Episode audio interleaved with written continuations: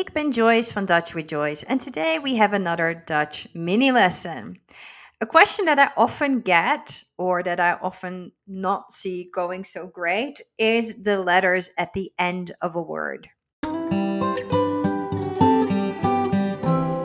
So, in English, we see a lot of double consonant endings. This can be any letter, but the most common one is probably will. W I L L. In Dutch, basically, the direct rule is if you don't pronounce the letter, you don't need to write it. So, the double L construction in will doesn't have any add on. Whether I spell it with one or two L's, there's no difference in my pronunciation. Therefore, if I want to say will in het Nederlands, I just spell it like W I L. Note though that will in Dutch means I want, ik wil, and I will in English is ik zal. So we will do something in the future, ik zal, and I want to do something is ik wil in Dutch. Another thing about those letters at the end of a word is the following rule.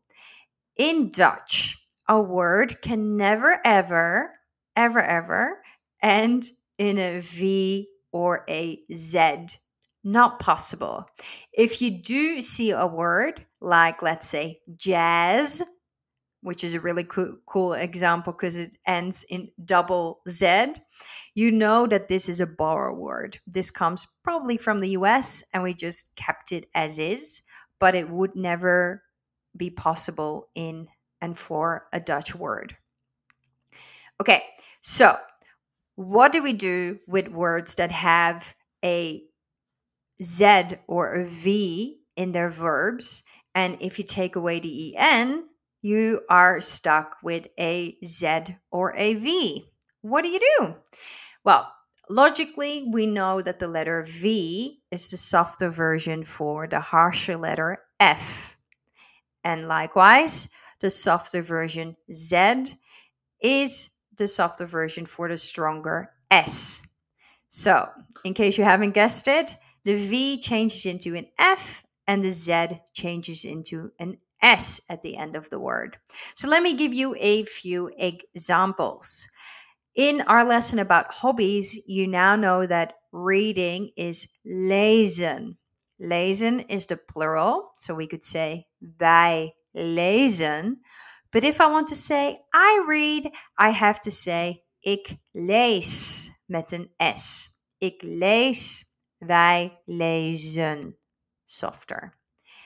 Another version that I thought you was to paint, which is verven. Wij verven. But for I, we take away the un sound and it is ik verf. Ik verf, wij verven. A couple of other verbs that are similar is to travel. We travel is wij reizen. Wij reizen. I travel will be ik reis. Ik reis.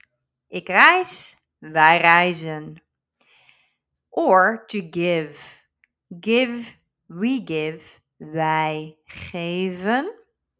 I give. Ik geef. Ik geef. Wij geven. And the last one, I live.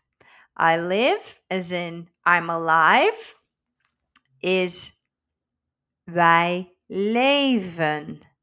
And I live is ik leef.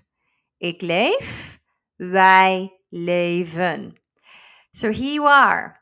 Change the Z into an S at the end of the word, change a V into an F at the end of the word, and never ever write double consonants or vowels at the end of a word because we don't pronounce them. That is your lesson for today. Keep note of these words and we'll catch you next time. Doei!